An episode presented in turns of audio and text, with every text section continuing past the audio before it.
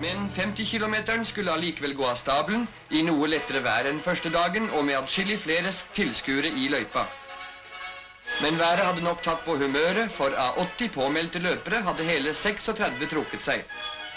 I fin form var imidlertid Finlands Eero Kolemainen, nummer 69, favoritt på distansen. Men overraskelsene kom. Russeren Leonid Emelin, nummer 40, hadde tatt ledelsen i femmila, med landsmann Juri Anisymov på annenplass. Men Kålemannen henger godt på i fin angrepsposisjon. Og der har vi raceren, god og sliten etter en fin prestasjon.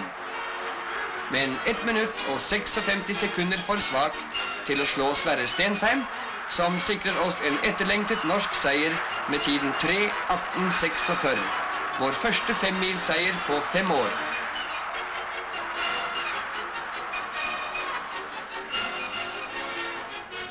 Nå er det alvor.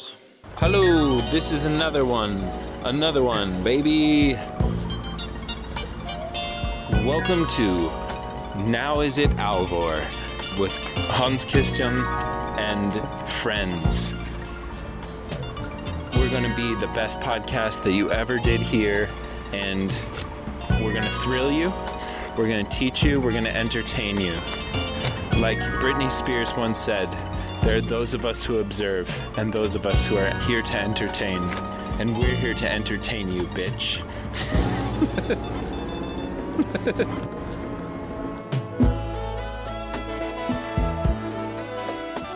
Du, du, bare et spørsmål.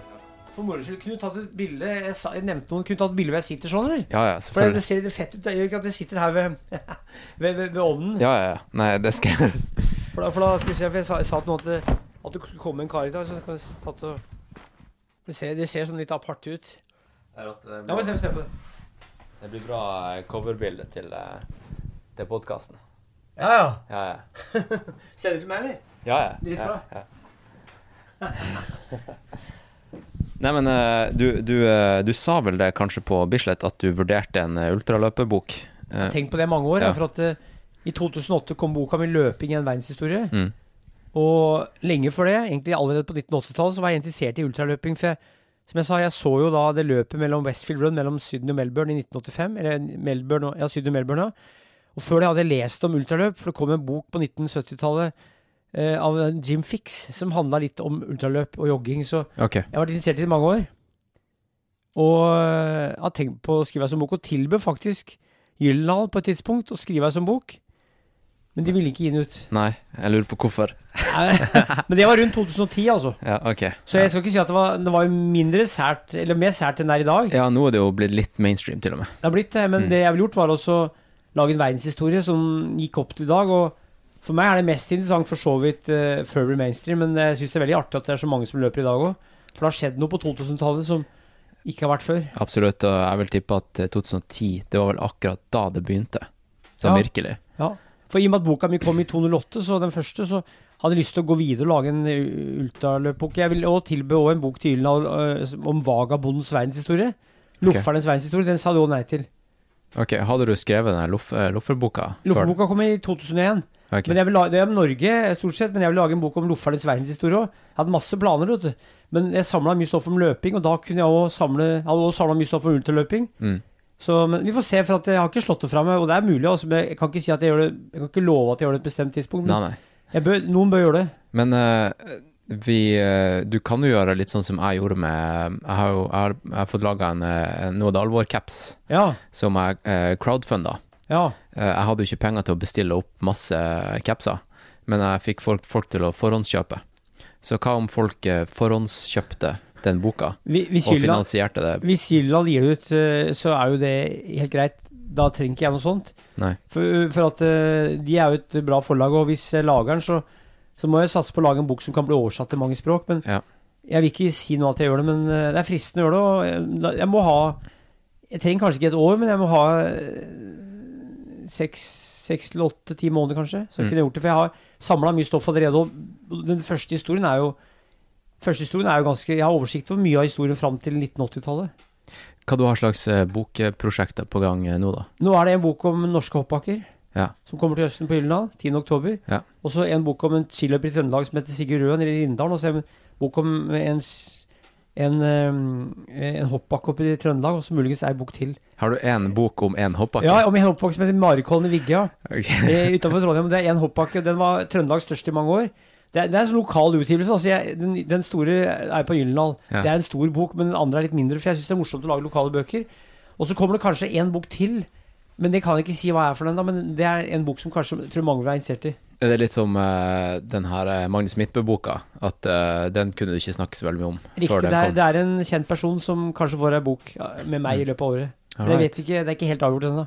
Hvordan har eh, Magnus Midtbø-boka gjort det? Den er jo gitt ut på norsk før jul, for det har blitt forsinka pga. viruset. Mm. Trykkere og alt. Papir har vært uh, forsinka pga. viruset, så den kommer på norsk. Trykt i 28 000 på første plag. 13 på norsk, 12 på engelsk og 3 på tysk. Så den kommer ut på engelsk og tysk nå, litt forsinka, i Ja. papirutgave. Ja. Så den er jo i ferd med å nå Og den er solgt mange tusen på forhånd. Men jeg, jeg vet ikke åssen salget har vært i Norge, men den kommer til å bli solgt en god del, for han promoterer den via Instagram og YouTube og sånn. Ja, så YouTube-kanal. Han, han nådde faktisk én million eh, subscribers nå nettopp. i høst Ja, nå tror jeg han er én million 100 000. Tenk på det, det går, jeg tror Ja. det går over 1000 per dag. Ja. Så han er stor rundt i verden. Jeg tror flest er i USA. Og så er det mange i England, Frankrike, Tyskland, Canada, Australia og en del i Norge. Så han, han er stor over store deler av den vestlige verden, altså. Han er jo større enn eh, TV 2. Ja, ja, større enn NRK. Han er det. Ja, Artig det. det er drøyt. Ja, Men eh, ja, det er snart OL. det er det. Eh, det er 4. februar. Ja. Vet du noe om programmet i OL? Jeg er litt usikker, jeg, men jeg vet at femmila ofte går på slutten. Og jeg kan si at jeg var i Kina i 2019 Ja. og så et sånn rulleskiløp. Eh, Så jeg har vært der en gang. Da Ja. var jeg i Peking, så et rulleskiløp om sommeren. Eh, og da ble jeg spurt om eh, jeg ville skrive litt om Kina og idrett, men det ville jeg, jeg hadde ikke tid til det. Nei, nei. Det er jo Pga. virus har det vært umulig òg. Men, men så jeg har vært der en gang, og jeg er spent for at eh, Kina har ikke hatt vinter-OL før. Det er litt spesielt at Kina har vinter-OL, men det er jo vinter i Kina òg. Jeg var faktisk i Beijing eh, for eh, seks år siden, tror jeg det var. På vinteren. Det Ja. var dritkaldt Jeg hørte det. og ufattelig dårlig luft. Det var enda, lite snø, var det ikke det? ja, det var ingen snø. Det Nei, var bare det var minus ti grader og en sur vind. Ja. Og eh, en, en eh, luftforurensning som jeg tror nesten det var en dag vi ikke egentlig fikk lov til å gå ut. Så jeg mener, det, de her OL-anleggene, vet du hvor langt unna sentrum det er? Jeg er litt usikker, men jeg tror det er et stykke. For at eh, Peking er jo en veldig stor by. Mm. 15-20 millioner, er det ikke det? Så det Noe er jo sånt. mange som bor der, så du kan ikke, kan i hvert fall ikke ha langrenn midt i byen. Nei. Det var jo rulleskirenn midt i byen. Det var Klæbo som vant av verdens eh, bløteste løp. Det var 39 varmegrader og torden, og så var det verdens varmeste løp. Da var det 39 grader og sol. Men det var i byen, altså. Men eh, det må være et stykke unna. Jeg tror ikke det er så langt unna, men det må være nok til at du kommer unna storbyen. Det er ikke mange Er det mange mm, storbyer eller byer som har hatt eh, både vinter- og sommer-OL? Eh, det er jo skal vi se, vinter- og sommer-OL. Nå skal jeg tenke her eh, Det er ikke så mange, det. altså, for at det, er et godt spørsmål. Det var ikke Aten, ikke London 08, Sverige det. Så sitter jeg bare og tar OL oppover. Ja, ja. Uh, det har jeg ikke tenkt på, faktisk. Um, du har jo hatt uh, Kan være det første? Nå skal jeg sitte og, sitte og tenke. 56, 60, 64, 68, 72 Det er ikke så mange byer det kunne vært. Nei, det, det kan ikke være så Oslo mange. kunne vært Oslo og Stockholm kunne klart det. Ja, men det, er- det ikke noe Det er ikke noen eh, Det er ingen som har hatt både vinter og, og sommer. Nei, altså nå er det jo Sommerol i, Peking var jo i byen. Vi var jo ved OL-stallene, men Ja. det er jo et stykke unna. Men det, det tilhører samme byen, så det må være den første dette her. Nå, nå har jeg, ja, det har jeg ikke tenkt over før, faktisk. Men det kan ikke være noen andre som har hatt både vinter- og sommer-OL.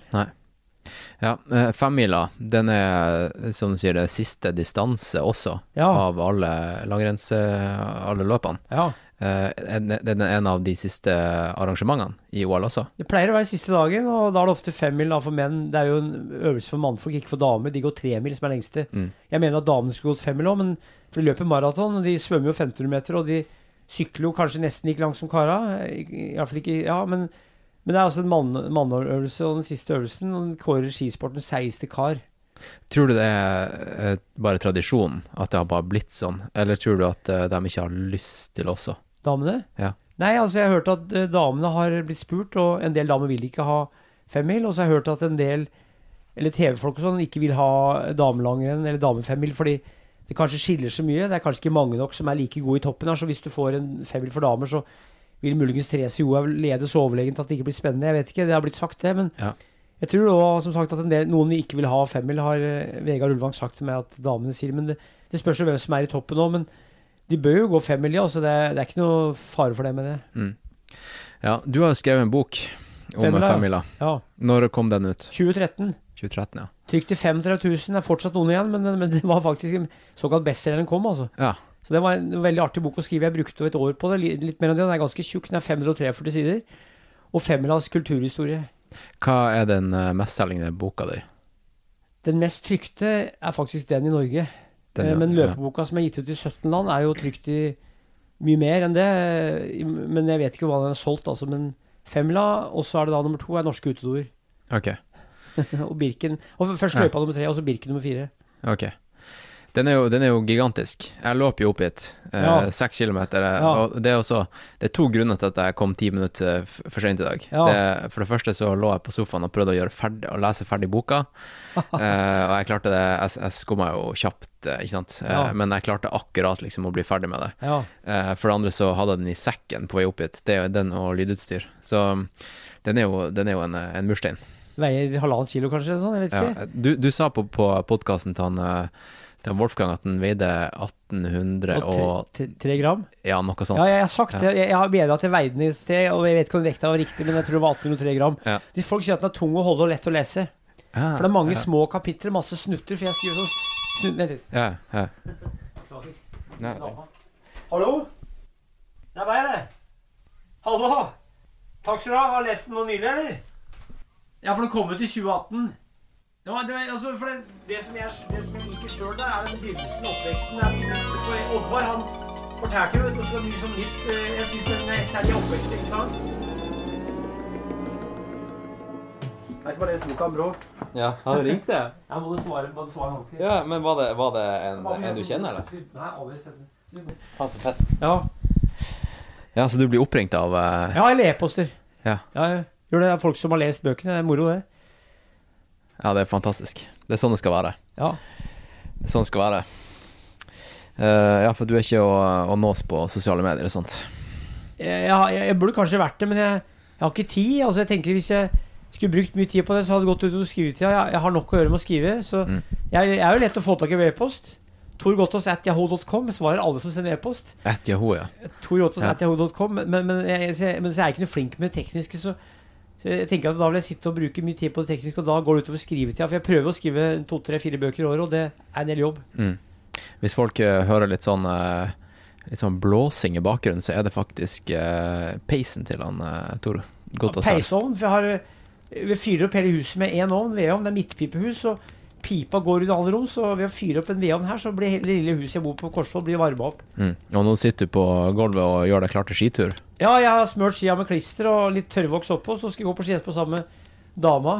Men jeg, jeg visste ikke Jeg trodde ikke det var skiforhold nå. Det er dritbra. Jeg trodde det var bare hardt og jævlig. Det er veldig hardt og jævlig utafor løypa, men du har sånn, i dag har du moderne løypemaskiner, så de kjører opp og freser opp og harrer opp, så det er skikkelig bra. Det er, over, det er sjokkerende bra løypa. Ah, nice. Så jeg skal ut etterpå, gikk i går, og går, går en liten tur hver dag. Og litt Ja. lenger i helgene.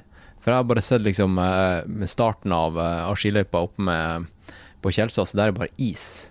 Jeg vet, og Men hvis det- du går løypa inn i skogen her nå, Her bærer vi skia inn, inn til løypa. Ja. Og når vi går i løypa på beina inn til løypa der det ikke er kjørt, så er det bare holka. Mm. Men i løypa er det helt annerledes, fordi maskinene er så fine at du får harva opp og frest opp. Så det er skikkelig bra. Altså. Nice, da. Ja, uh, hva det var vi snakka om før, før han ringte, han eh, karen? Uh, vi snakka om uh, Snakka om uh, bokas vekt. Ja, bokas vekt, ja. ja. ja, men jeg har boka i hånda her nå, uh, og um, uh, hvor skal jeg starte? Altså, det, det første jeg la merke til, eh, selvfølgelig siden det står først i boka, nesten, er jo det at um, en av de første skirennene som ble arrangert i Norge, og kanskje i verden, var i Tromsø. Organisert. Det har vært eh, skirenn lenge før 1843. Det var i mars-april 1843 i Tromsø. Ja. Det var en fellesstart. Det var en kven som vant. Han brukte to staver. Og vi vet jo det at eh, samer har hatt skirenn lenge før det. Eh, I Trysil har det vært skirenn, og sikkert mange steder i Trøndelag og Vestland òg. Men det regnes som det første organiserte langrennet, som var da en press med Otto Theodor Krogh, som var fra Vestnes i Møre og Romsdal. Han jobba i Tromsø, var journalist da, tror jeg. I hvert fall senere prest. Mm. Han arrangerte to skirenn i månedsskiftet mars-april 1843. Fellesstart, og det regnes som langrenn. Ja, vet du hvor i Tromsø det ble arrangert? Jeg er litt usikker. var det på øya, eller? Det var på øya, ja. Ja. Det var på øya, og Ja. det var en runde på fem kilometer. Ja. Så det fins beretninger om det hvis du går til avisa. Jeg har lest noen sånne beretninger fra avisa. da. For han var jo jobba i avisa som var i Tromsø på den tida der. Derfor fins det spor etter det. Og langrenn, sånn som vi tenker på organisert, er jo at det er organisert med tidtagging. For samene har som sagt helt sikkert gått sirenn før det, og i Trysil òg.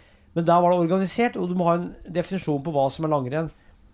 For, for folk har helt sikkert konkurrert i skiløp, både i hopp og langrenn, lenge før det. Og, og hvor, eh, hvor lang tid etter ble det første femmila arrangert, da? Det var i 1888. Og hvorfor ble den arrangert, og hvor ble den arrangert? Skiforeningen arrangerte 7. februar. Startet ved Majorstua T-banestasjon, der den ligger i dag. Der var det en sykkelvelodrom. Og i sykkel var det en distanse som het 100 km banesykling. Derfor tror jeg det var 50 km langrenn. Det er halvparten av 100. Og vi har jo ti fingre. Der har vi 110-tallssystemet. Så jeg tror det. Og da var det vel litt over 30 påmeldte. 17 som starta, og 12 som fullførte. Og det var klokka åtte den tirsdagen at det var intervallstart. Flere som røkte før start for å åpne lungene. Ja. Det var ikke noe uh, matstasjon i skogen, men det var øh, koteletter og karbonade midtveis, ble det sagt. Og det var bøtter med vann i skogen. Ja. Og det het seg at det var ølservering i mål etterpå. For det var dårlig vann i Kristiania. Det har vært noen sånne koleraepidemier, vet du. Så Ja. folk ble smittet igjen drikkevannet. Men det var altså et uh, langrenn, og da kommer ordet langrenn opp. For det er langt skirenn. Altså, Før så het det ofte springmarsj, springløp. Okay. Men langrenn det betyr jo langt skirenn. Så femmila er en norsk oppfinnelse. Det er ikke mye vi har å slå i bordet med. Femmila, bindersen og geitosten og ostehøvelen. Det er det vi har Og så kanskje noen vikingskip. Og, men også den, den begynte da, og det var ikke noe øvelse i andre land. Det var en femmil i Finland i 1893 på Østersjøen.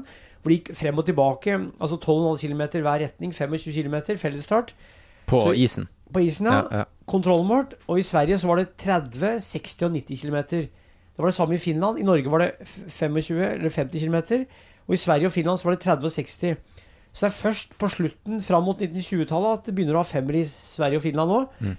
For de altså gikk eh, 90 og 60, for i Sverige er det mye slakere terreng, flatere enn Norge, sammen som Finland. Og da lagde de, ikke, da lagde de lengre løyper. Ikke sant, deg tidsmessig så var det egentlig det samme. omtrent det samme. Å gå en seksmil i Finland var det samme som å gå en femmer i Norge. Ja. Eller ni mil i Finland var enda lenger. Altså, men du kan tenke deg eh, terreng i Nordmarka. For den første femmila var i 1888, og så flytta de opp til rennet som gikk på Huseby. Husbyleiren i dag, eller ved Huseby gård. Det ble flytta opp til Holmkollen, i Holmenkollbakken i 1892. 93. Så flytta de langrennet opp til Frognersetra, for det var for lite snø i 1890-åra. Så snømangel gjorde at langrennet starta ved, ved det som var det gamle skimuseet etter hvert, på Frognersetra. Okay. For det er veldig stor forskjell i snømengden fra Huseby opp til Holmenkollen, og fra Holmenkollen opp til Frognerseteren. Mm. Det var lite snø på 1890-tallet. Da var det praktisk å starte opp ved Frognersetra. Og der begynte femmila i 1902. Da var det to runder på 25 km. Så det begynte altså med to ganger 25. Og i 1902 så var det obligatorisk pause på fem minutter midtveis. Alle måtte ete, brødskiver og drikke mjølk. Og i mål så var det tolv leger som kontrollerte pulsen og helsetilstanden. Og da vinneren hadde 83 puls. Han het Carl Olsen, gikk på 4,43, tror jeg. Så de tok pulsen på løpera. Men det var fem minutter innkomst, så det er bare tull, vet du. Men de tok pulsen på løpera.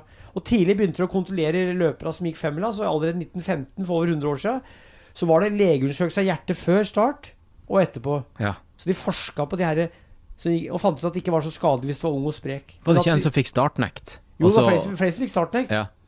Han Christian Kongsrud tenkte på. ja, er sikkert han siden du Ja, det var snakk om han i boka. Ja, Han som uh, var fra oppe i Mjøndalen, og som hadde for lav hvilepuls. Ja. Han måtte løpe litt opp og ned i Holmenkollen-anlegget for å få høyere puls, og da fikk han starte. så, så, så han hadde lav puls. Ja. Men, men det var ganske strengt i begynnelsen, og, og det var jo hemmelig løype òg. Det var et mannskap som brøyta løypa. De gikk ei uke i Nordmarka og brøyte løype. Eh, og, og da var det masse stuer. Det er fortsatt mye stuer i marka, men da bodde det folk i marka som dyrka marka, som var husmenn under Løvenskiold. Så jeg gikk fra eh, stue til stue og overnatta der, og så tegna et kart. Og da var det plukkhogst. vet du. I dag har du flathogst. Det er store flater som er åpne i skogen i dag. Mm. Da var det plukkhogst før krigen, og da kunne du gå på ski overalt. Altså du kunne gå ja hva er plukkhogst? Altså, eh, Det er da at du plukker ut trær inn i skogen, ikke sånne store flater som kom etter krigen. Og da er det mer naturlig at du har løyper som går i ville skogen. I dag så plantes skogen så tett Mm. at det er verre å gå, ha løypa tett i skogen.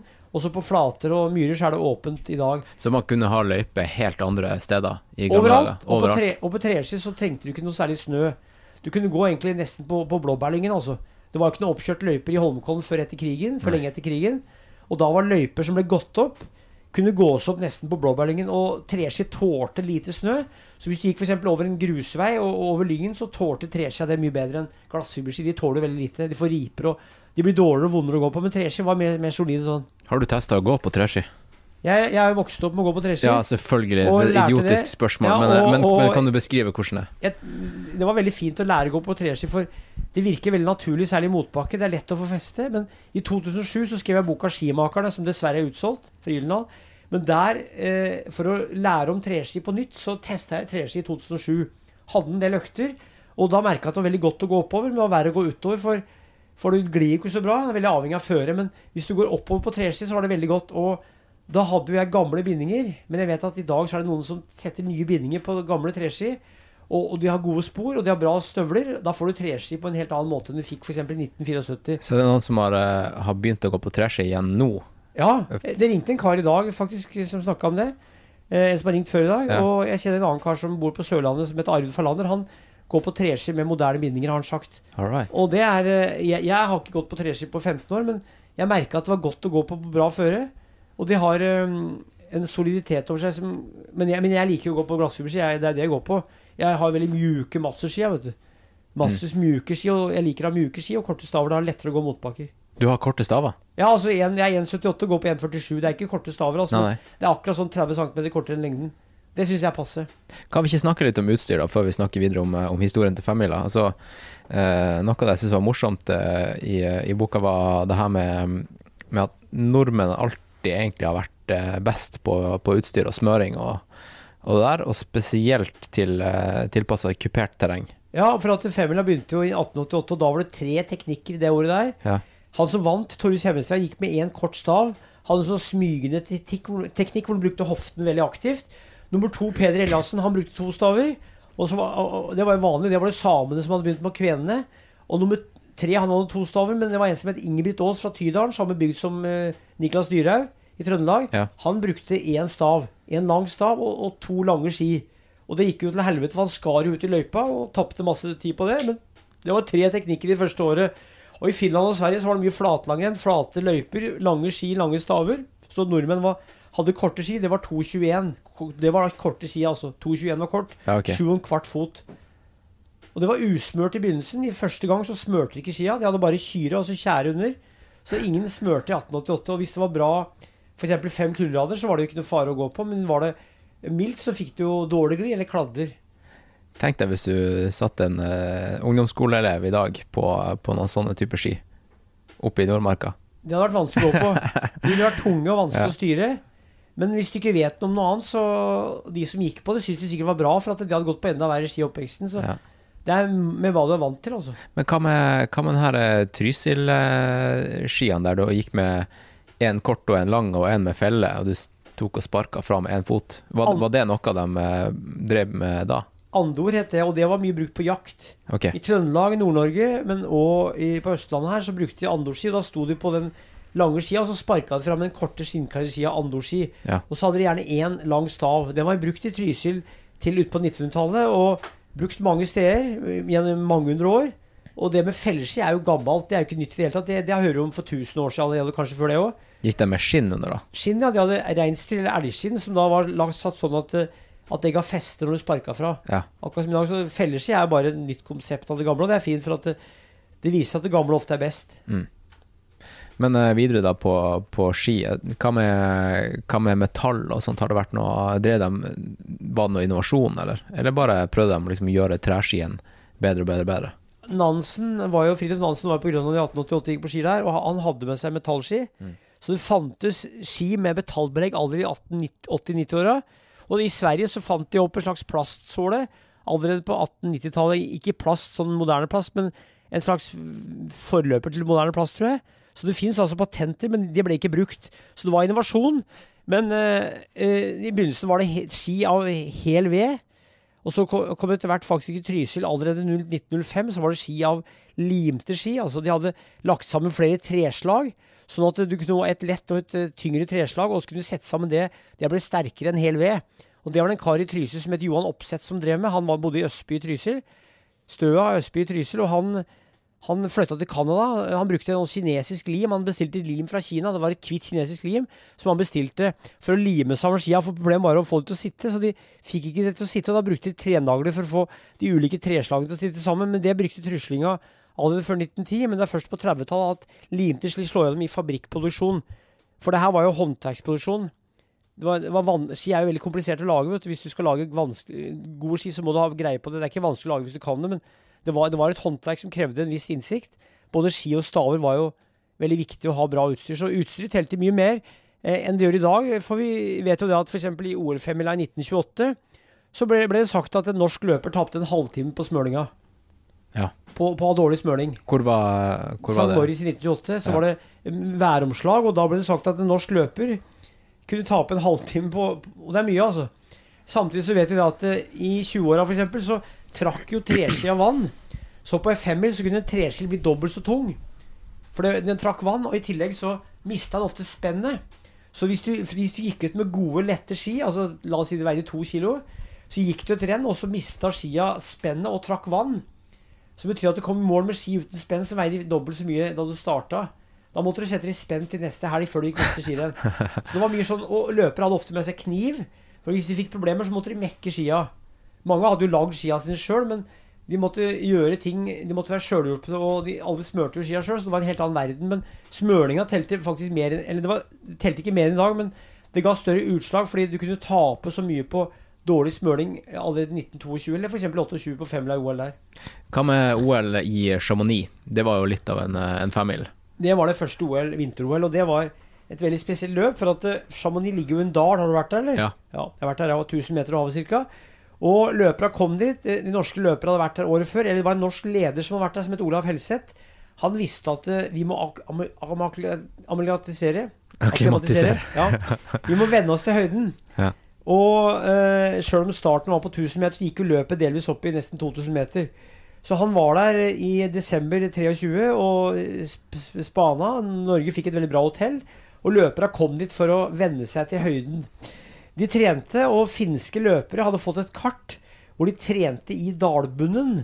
Så de trodde jo det at eh, de fikk jo sjokk. Det er jo ikke noe fjell i Finland som ligner på det som er Chamonix. De jo, fikk jo vondt i nakken. Det stikk motsatte. Sto og kikka opp, vondt i nakken. Ja. Og de finske løperne trodde da at løypa gikk en sånn treningsrunde i, i bakken der, eller i dalen, i, i, i, to runder. Det gjorde den ikke. Den gikk da i en hel runde på fem mil, og den gikk oppover fjellsida. Blant annet med ca. 800 meter stigning. Og det var vel på det meste Det er så, så drøyt, altså. 200 meter Var det ikke 600 meter stigning på to kilometer eller sånn på det meste? Forferdelig. Og de gikk opp på noen ja. isbreer der. Johan Grøttesbråten, som starta først av de norske, han lå først i løypa. Han kom før alle matstasjonene. Så han drakk sånn derre brevvann, altså isbrevann. Eh, og det lå sånne eh, kalver, og da isbreen hadde kalva, så det gikk jo langt opp i fjellet der. Og det var jo ikke noe sekundanter, det var ingenting. Og han spiste vel et par druer, tror jeg. Og han gikk seg så tom og fikk så problemer med magen da at han, han hadde problemer med magen i resten av skikarrieren. Og i tillegg så turte han ikke gå noe særlig femmil etterpå, for han, han, fikk en smell. altså Han gikk, gikk, nesten uten å spise og drikke hele femmila. Det var førstemann Grøttesbråten. Ja. Haugern Torleif, som var favoritt, som hadde vunnet femmila Holmenkollen seks ganger, han, han var jo en jævlig harding. De hadde trent bra, og han var veldig bra trent da. Han uh, var ekspert på både å gå oppover og ekspert på å gå nedover, men allikevel så sies det at det var en svensk journalist som het Sven Lindhagen, som sto og så på den femmila her. Og det var helt forferdelig, sånn, for at folk kom akende ned på brystet eller på magen fra fjellet. Det var is, det var, det var helt bratt ned. Og det sies at Haugern datt 25 ganger på den strekningen her. Var det vinneren? Vinneren datt 25 ganger siste. Ja, ja. På én bestemt strekning, for det var helt umulig å holde seg på beina. For det var så isete, og det var egentlig ikke noe spor i det hele tatt. Og ufattelig bratt. Det var rett ned, altså. Ja, ja. Det var 600 meter fall på to kilometer, og det kan du regne ut er mye, men det var veldig bratt. Det er alpint landskap. Men han, han vant jo den femmila her, og ble første olympiske mester på femmil. Torleif Haug fra Årkvisla og gikk for Dravn. En legendarisk femmil som aldri er kopiert senere, for den var rett og slett for hard, altså. Jeg leste også at eh, det var en eh, løypesetter som eh, prøvde nesten å kopiere Chamonix-løypa her i Oslo under en femmil. I 53? Ja, ja, det var kanskje det. Han hadde sagt at uh, det, det, må guttene tåle. Johan Grøttesbråten, som var født i 1899, som han var med i 1924, ja. han satte løypa til NM i 1953. Og vi starta på Tryvann. ja. Og da gikk jeg ned i Sørkedalen og opp igjen. Jeg snakka med flere som var med der. Det, det lever fortsatt noen få som var med der. Jeg snakka med folk som sto matstasjonen langs løypa. Og det var, da var det flere som måtte fraktes i mål på kjelke, flere som kollapsa. Og da drakk de, de drakk gjerne sukkervann. De drakk Ja. vann og sukker, varmt vann og sukker. Det var det gutta hadde. Men de gikk altså, de gikk altså opp fra Sørkedalen to ganger. Det er ganske hardt, altså. Eh, du kan tenke deg hvordan det er eh, hvis du går der på, på treski og det er tungt føre, så var det regnet for å være den hardeste femmila. Og både Sverre Stensheim, som er født i 1933, og Harald uh, Grønningen, som er født i 34, hadde vært på NM i bot, junior-NM i Botne det året. De sto langs løypa og så på at løperne gikk, og tenkte at det her, det her ser skummelt ut, altså. Det her, det her ser farlig ut.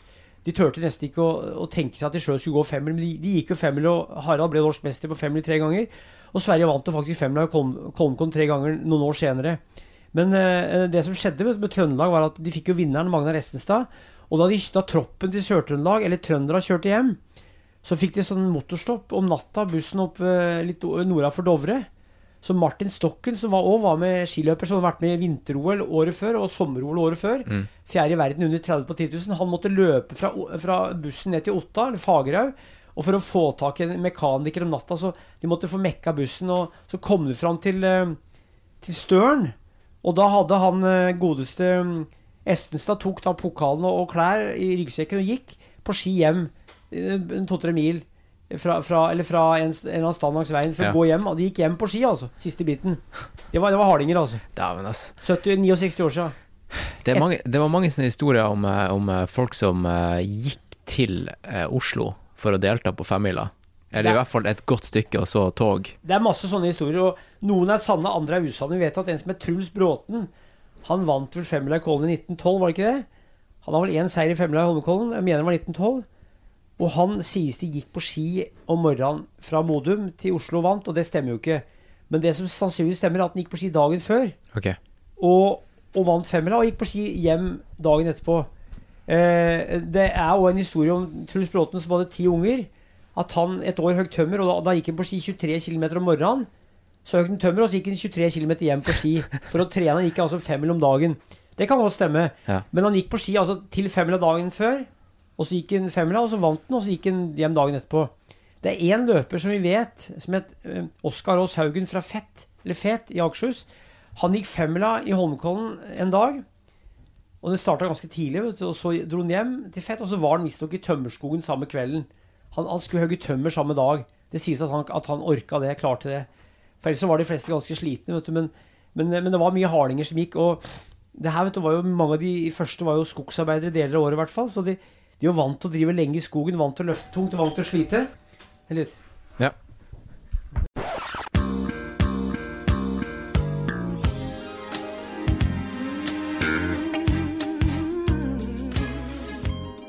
Ok, kjære lytter. Du har nå hørt eh, en eh, liten teaser. En eh, teaser, en gratisvariant av uh, podkasten. Resten av eh, episoden den eh, kan du høre inne på patrion.com slash nedaproject. Og eh, ikke bare kan du høre resten av denne episoden, men du kan høre alle framtidige episoder av podkasten og alle episoder som har vært. Det er jo godt over 150 episoder som ligger inne på Patreon. Det er bare noen som har fått en teaser her på, på iTunes og Spotify, så jeg vil absolutt anbefalt, eh, hvis du er på nøleren, ta og klikk deg inn på patreon.com slash nedaproject, og så kan du scrolle deg gjennom hele diskografien og se hva som finnes der inne. Så kan jeg si det at eh, jeg bruker Patreon som eh, finansieringsmodell hovedsakelig fordi at jeg har mest lyst til å bruke tida mi til å lage fete podkastepisoder, sånn som den du nettopp hørte. Eh, Og det å bruke tida mi på å, eh, å ringe og sende e-poster til eh, potensielle eh, annonsører, det, det er noe av det jeg liker minst. Det er selvfølgelig aktuelt, men eh, jeg syns ikke det er så veldig artig. Så Eh, hvis det er noen der ute som eh, kunne tenke seg å låse opp denne episoden her til alle og enhver, hvis dere vil ha deres brand og navn stempla foran og bak på episoden, bare send meg en e-post eller ring meg. Det er kontaktinformasjon i, i shownotes, og så, så blir det ordnings, folkens. Men eh, eh, hvis du vil høre dagens episode, Gå som sagt inn på patrion.com slash nedaproject, og så kan du høre den episoden der og alle andre episoder som har vært, og alle episoder som kommer. I tillegg så får du da tilgang til en Slack-kanal der du kan snakke med meg og alle de andre lytterne av podkasten. Så da, hvis du har lyst til å eh, lære mer om eh, ultraløping eller klatring, eller få inspirasjon fra andre lyttere, eh, snakke med andre likesinnede, dele YouTube-videoer, whatever, liksom, så, så, finner du det inne på Slack-kanalen til Nå er det alvor. Og det får du kun tilgang til hvis du er Patrion. Så jeg vet ikke helt hva dere nøler med, folkens. Kom dere inn på Patrion, og så snakkes vi der inne. Ok? Over og ut, Roger og Knut.